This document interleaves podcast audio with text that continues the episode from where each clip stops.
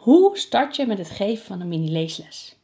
Zelfs als je niet schoolbreed met list werkt bijvoorbeeld, of als je het eigen team er ook helemaal geen interesse in hebt en je eigenlijk de enige op school bent, hoe start je dan met het geven van mini-leeslessen?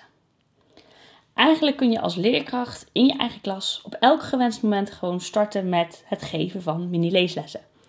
Jij als leerkracht weet namelijk dat de kinderen in jouw klas uh, niet zo gemotiveerd zijn om te lezen als jij zou willen.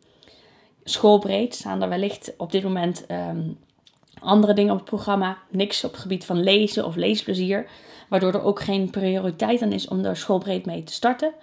De focus ligt er niet, er is geen studiemoment voor gepland en alle collega's regelen het stukje leesplezier gewoon in hun eigen klas. Hoe krijg je nu toch die zuchtende lezers in jouw klas gemotiveerd om te lezen? Nou ja, je hebt wel eens gehoord van mini leesles en zou dat dus best wel eens willen proberen. Maar er is geen budget voor een nieuwe leesmethode. Dus starten met list bijvoorbeeld zit er voor nu in ieder geval nog niet in. Je collega's die ervaren het ook niet zo, die prioriteiten die jij ervaart. En ze volgen toch gewoon de leesmethode en ze houden zich aan de gemaakte afspraken. Of ze geven er hun eigen draai aan en die werkt toch ook goed genoeg. Verder zijn de leesresultaten bij jullie op school ook wel goed genoeg, toch? Dus waarom moeten we nou meer moeten doen? Maar bij jou knaagt het. Jij weet dat er meer uit die resultaten te halen is. En als de kinderen maar lezen en als ze nog maar meer zouden lezen, zouden de resultaten nog beter worden. Ook al zijn ze al goed genoeg. Je weet dat die leeskilometers ertoe doen. En je wilt zo graag dat de kinderen in jouw klas met plezier lezen. Ja, en dat krijg je voor elkaar met mini-leeslessen. Nou, voor een mini-leesles is niet veel nodig. Jij als leerkracht kunt morgen al starten met een mini-leesles. Het kost je maar vijf minuten voor het lezen en vijf minuten na het lezen. Um, dus heb je morgen vijf minuutjes over? Probeer dit dan eens. Pak een kinderboek uit de schoolbibliotheek of je eigen boekenkast. Sla het boek op een willekeurige bladzijde open. Lees een kort stukje tekst. En vraag je na het lezen van dat stukje tekst af wat zou overeen kunnen komen met de boeken die de kinderen lezen. En hoef je niet te weten welke boeken de kinderen lezen. Je mag gewoon nadenken over: oké, ze lezen uh, leesboeken. Wat zou er nou in meerdere boeken kunnen staan? En daar bedenk je een leesvraag over. Nou, een, een, voorbeeld van zo'n leesvraag kan zijn: jij leest een stukje in jouw boek over het personage wat een jongen is. hey, zouden de kinderen ook een jongen in hun boek hebben? Dus dan vraag je aan de kinderen: is het personage in jouw boek een jongen? En of wie heeft er ook een hoofdpersoon als jongen? Of wie heeft er juist geen jongen als hoofdpersoon? Is jouw hoofdpersoon een jongen of een meisje en hoe weet je dat? Dat zijn al simpele vragen die je over een personage kunt stellen. En dat kun je dus bij, met elk boek waarin een hoofdpersoon voorkomt al um, vormgeven. Nou, een andere leesvraag die je kan bedenken is bijvoorbeeld: komen er illustraties in voor? Het boek wat jij gepakt heeft, uh, hebt, heeft wel of geen illustraties. En dan vertel je aan de klas: Nou, ik heb dit boek. Er staan geen illustraties in, of deze illustratie kwam ik tegen en dit vind ik ervan. En hoe is dat dan in jouw boek? Nou, dan vraag je aan de kinderen bijvoorbeeld: wie heeft er ook illustraties in zijn boek? En zijn die hetzelfde als de tekst of zijn ze juist anders? Uh, vullen ze elkaar aan of um, is het gewoon precies hetzelfde? Dan kun je ook plaatjes kijken zonder de tekst te lezen.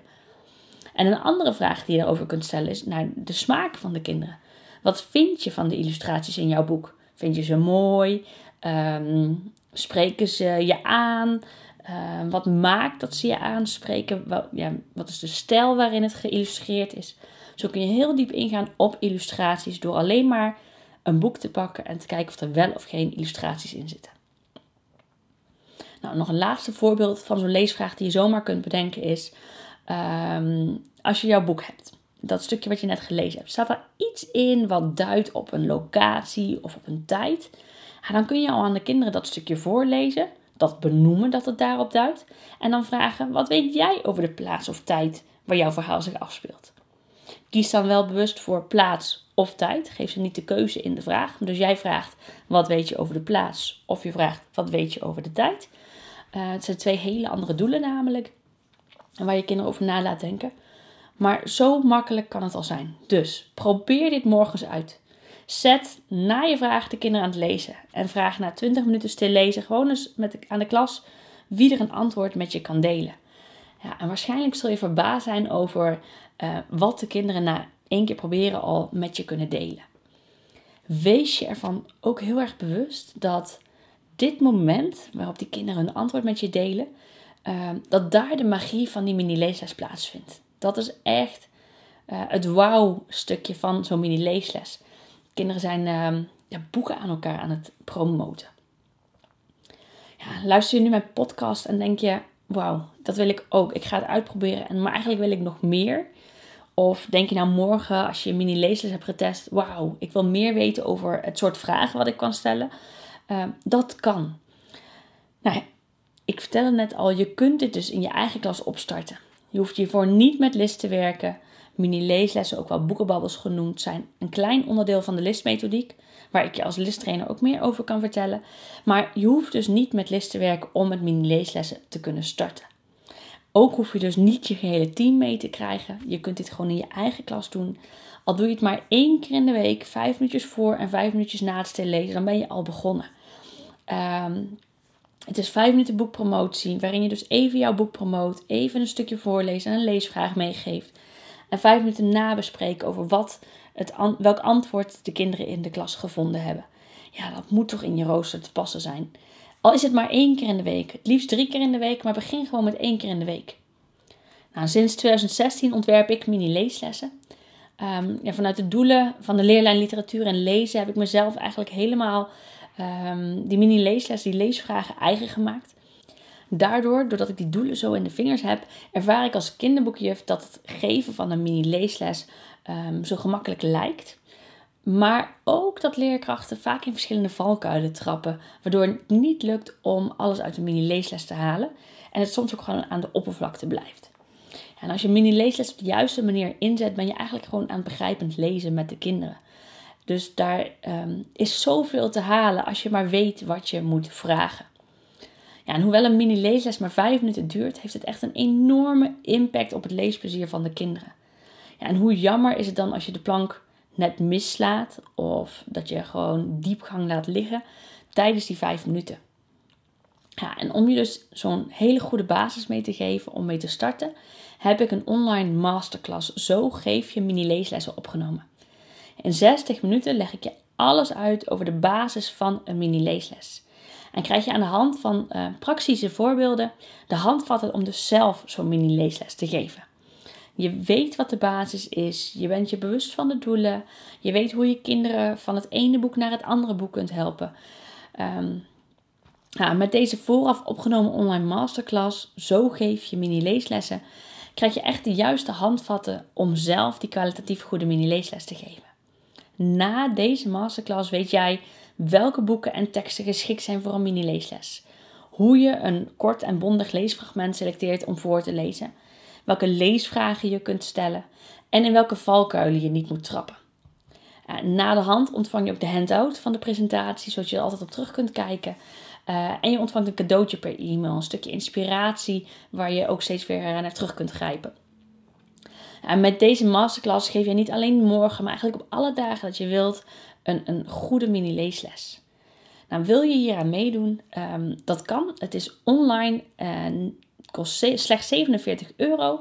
En je krijgt dan een uur lang een video van mij, die je gewoon op elk gewenst moment kunt kijken. Je kunt hem ook pauze zetten, je kunt hem terugsturen. Um, hij is geschikt voor leerkrachten van groep 3 tot en met 8. En als je nog vragen hebt tijdens of na het kijken, dan mag je die altijd naar me mailen, zodat je van mij een persoonlijke reactie krijgt op jouw vragen dus. Um, ik zei het net al, hij kost slechts 47 euro. Ja, het is gewoon een uur lang de basiskennis van mini-leeslessen. Nou, daarnaast weet je misschien al dat ik ook uh, de cursus mini-leeslessen van A tot Z heb.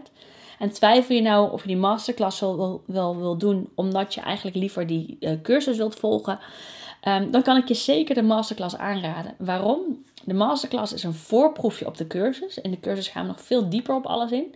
En als je nou na de masterclass ehm, besluit om toch met die cursus aan de slag te gaan, dan krijg je eh, het bedrag van de masterclass als korting op je cursusprijs. Dus laat het je niet tegenhouden als je nog twijfelt over de cursus. Dan kun je ook starten met de masterclass en later nog door met de, de cursus. En dan krijg je dus korting. In de show notes staat de link naar de masterclass en daar staat ook de andere informatie over deze podcast. Klik op die link, lees alle informatie en schrijf je in. Meteen na aankoop ontvang je de mail uh, met daarin dus het linkje naar de video en kun jij de video gaan kijken. En op deze manier, door morgen te starten, kun jij zelf zomaar starten met uh, het geven van mini-leeslessen. Daar is niks groots voor nodig. Dat kan gewoon klein door een boek te pakken, een stukje te lezen en een vraag daarbij te stellen aan je klas. Mocht je dit nou doen morgen, ik vind het heel erg leuk om van je te horen hoe je het ervaren hebt. Dus mail me gerust of stuur me een berichtje op Instagram. Dat is kinderboekenjuf.nl uh, op Instagram. En mijn mail is info kinderboekenjuf.nl. Mail me gerust hoe je ervaring was, want ik vind het altijd heel erg leuk om te horen hoe de uh, ervaringen in de praktijk zijn. Leesles, kinderboeken. In de podcastaflevering tipte ik je al om gewoon een boek uit de kast te pakken, een stukje te lezen op een willekeurige bladzijde en een leesvraag te bedenken. Dat ga ik dus nu ook voor je doen. En ik pak uit de kast het boek Het Geheim van het Klavertjesplein. Uh, geschreven door Michael Rees en uitgegeven bij uitgeverij Stormsteen. Dit is een boek voor echt groep 7, 8. Lekker griezelig, lekker spannend. Um, ja, een beetje een kinderversie van de serie Lost eigenlijk, als je het zo uh, wilt benoemen. Um, en ik ga hem gewoon openslaan. Nou, ik heb toevallig de eerste bladzijde van een hoofdstuk, hoofdstuk 14, bladzijde 83 voor me. En ik lees een kort stukje voor. Een ridderlijk plan. Dit gaat echt niet werken, zegt Jerry, die zich ineens heel ongemakkelijk voelt. Schijn nou uit, zegt Sophie. Jij wilt toch ook dat fort in? Dan moeten we dit doen. Maar meneer Sanga accepteert het niet. Echt niet. Ze lopen met z'n vieren over het zandpad achter de huizen langs, waar ze niet zo opvallen. Ze hebben vier ridderbeelden uit Sophie's hotel bij zich, die loeizwaar zijn. Gelukkig hebben ze twee grote steekwagens. De beelden wiebelen de hele tijd van links naar rechts. En de meisjes moeten hun best doen ze recht te houden. Rick en Jerry duwen de wagens vooruit. En hoe komen we in die beelden? vraagt Rick als ze bijna bij Fort Borealis zijn. Er zitten scharnieren aan de achterkant. Sophie wijst daarnaar. Dit kan helemaal open en dan kun je er zo in. Dat heb ik al vaker in het café gedaan. Jerry gelooft er niet zo in. Meneer Zanga zal meteen doorhebben dat er iets niet klopt en dan gaat hij vragen stellen, zoals hij dat altijd doet. En als je dan een verkeerd antwoord geeft, gaat hij meteen zijn fort weer in en zie je hem voorlopig niet meer buiten. Wie belt aan en doet het woord? vraagt Doortje. Nou, ik heb de hele bladzijde voorgelezen, bladzijde 83. Uh, misschien heb je zelf al een leesvraag bedacht. Uh, je kunt bij dit stukje vragen naar verschillende personages. Ze lopen met z'n vieren. Ze zijn dus met z'n vieren. Hoeveel personages zit er in jouw boek? Er wordt een stukje omgeving geschetst. Ze lopen met z'n vieren over het zandpad achter de huizen langs, waar ze niet zo opvallen. Oké, ze zijn dus op een zandpad achter de huizen. Waar speelt jouw verhaal zich af en wat in de tekst maakt dat je dat weet? Um, uit de opmerkingen, zoals dit gaat echt niet werken, zegt Jerry die zich eens heel ongemakkelijk voelt. En hoe komen we in die beelden, vraagt Rick, als ze bijna bij Fort Borealis zijn. En een stukje Jerry gelooft er niet zo in. Daaruit merk je dat er twijfels zijn. Nou, waarin, waaraan in jouw boek merk je dat er bij jou, uh, in jouw boek twijfels zijn? Zulke vragen kun je al stellen. En daarnaast ben ik als lezer door dit stukje heel nieuwsgierig. Wat gaan ze doen met die beelden? Waarom willen ze dat fort binnen? Uh, wat zijn ze van plan? Dus als ik dit alleen heb gelezen, dan zou ik wel meer willen weten. En ik kan me voorstellen dat dat in jouw klas ook zo is. Dus laat dan kinderen een kort stukje midden in hun boek voorlezen. En dan kijken wie het boek na hun wil lezen. Dus dat zijn al verschillende leesvragen die ik zo bij één bladzijde bedenk. Succes met jouw mini-leesles. Wat ontzettend leuk dat je luistert naar de podcast vol leespiratie. Misschien ben je door mijn Leespiratie podcast zelf enthousiast geworden om met Leespiratie in je klas aan de slag te gaan. Tof, want daar liggen namelijk veel kansen voor leerkrachten. juist door jouw leerlingen ook weer te leespireren. Schrijf je daarom in voor mijn leespiratie mail. Dat kan door via de show notes op de link te klikken en je gegevens in te vullen. Dan blijf je altijd als eerste op de hoogte van de leespiratietips die ik deel. Wil je nog meer leespiratie? Beluister de andere podcasts die ik maakte. Volg me op Instagram onder de naam kinderboekenjuf.nl of neus eens rond op mijn website www.kinderboekenjuf.nl voor praktische, kant-en-klare leespiratie waar je zo mee aan de slag kunt. Nou, heb je vragen naar aanleiding van deze podcast? Of wil je mij wat vragen? Mail me op info.kinderboekenjuf.nl Vind je deze podcast waardevol? Laat het me weten via mijn Instagram, kinderboekenjuf.nl of mail me op info.kinderboekenjuf.nl. Ik vind het heel erg leuk om van je te horen. Volg mijn podcast door via het luisterplatform naar de podcast voor leespiratie te gaan en klik vervolgens op volgen. Stel de meldingen in, zodat je als eerste op de hoogte blijft als er een nieuwe aflevering online komt. Bij Spotify kun je dit bijvoorbeeld doen door het alarmbelletje aan te klikken. En geef mijn podcast een beoordeling of like, zodat anderen ook weten dat mijn podcast de moeite waard is om te beluisteren. Deel de link gerust met collega's of andere geïnteresseerden, zodat zij ook de podcast kunnen beluisteren. Ik kijk er naar uit om een nieuwe aflevering voor je op te nemen. Tot dan! Je luisterde naar Ingrid Rijnboud-Evers, de kinderboekenjuf. Wil je nou meer weten over mij? Luister dan zeker eerst even de eerste twee podcasts die ik maakte.